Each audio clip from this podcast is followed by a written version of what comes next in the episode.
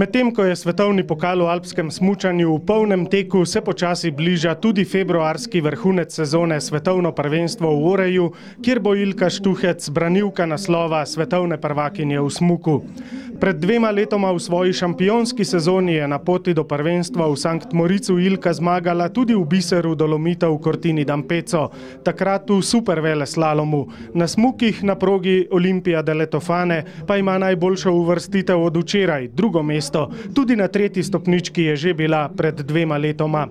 Po odpovedi tekem v Sankt Antonu, samostojni ekipi naše najboljše smučarke pred Cortino ni ostalo drugega, kot da se vrne na priprave nazaj v Italijo, kjer je sneg smučišča zasipal precej manj intenzivno kot v Avstriji in so bile razmere za trening precej boljše.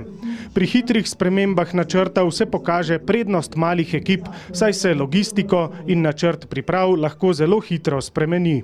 Glede na to, da pač sem jaz edina, ne? da ni še ostalih, da se pač res, sicer se sliši razvajeno malo, ampak je celoten program pripravljen meni. Ne, je točno tisto, kar jaz rabim. Ali je to, ne vem, eh, dva dni smučene več, ali je to en dan pauze več, ali karkoli pač, vedno se išče najbolj idealna možnost za mene. In to mislim, da je pač prednost manjših ekip, je pa tudi dejstvo, da v večjih ekipah, večjih nacijah, kot so recimo tudi um, Avstrijci, Američani, vsak z nekom sodeluje no? in pač dela tisto, kar je najboljše za njega. Pred prihodom v Cortino je Ilka trenirala v dolini Ulten na Južnem Tirolskem oziroma dolini Ultimo, kot bi rekli italijani, v prevodu zadnja dolina, ki pa bo pomagala do prvih mest. Rutina pred tekmo za vrhunske uvrstitve pa mora biti vedno enaka. Normalno pač se začne z, mislim, za mene z vajami za koleno, za hrbet, za pač, kaj je treba, čist preventiva. Zajtrk, odhod na teren, ogled proge, ogrevanje. Eden najpomembnejših delov smučarskega posla je popolna koncentracija.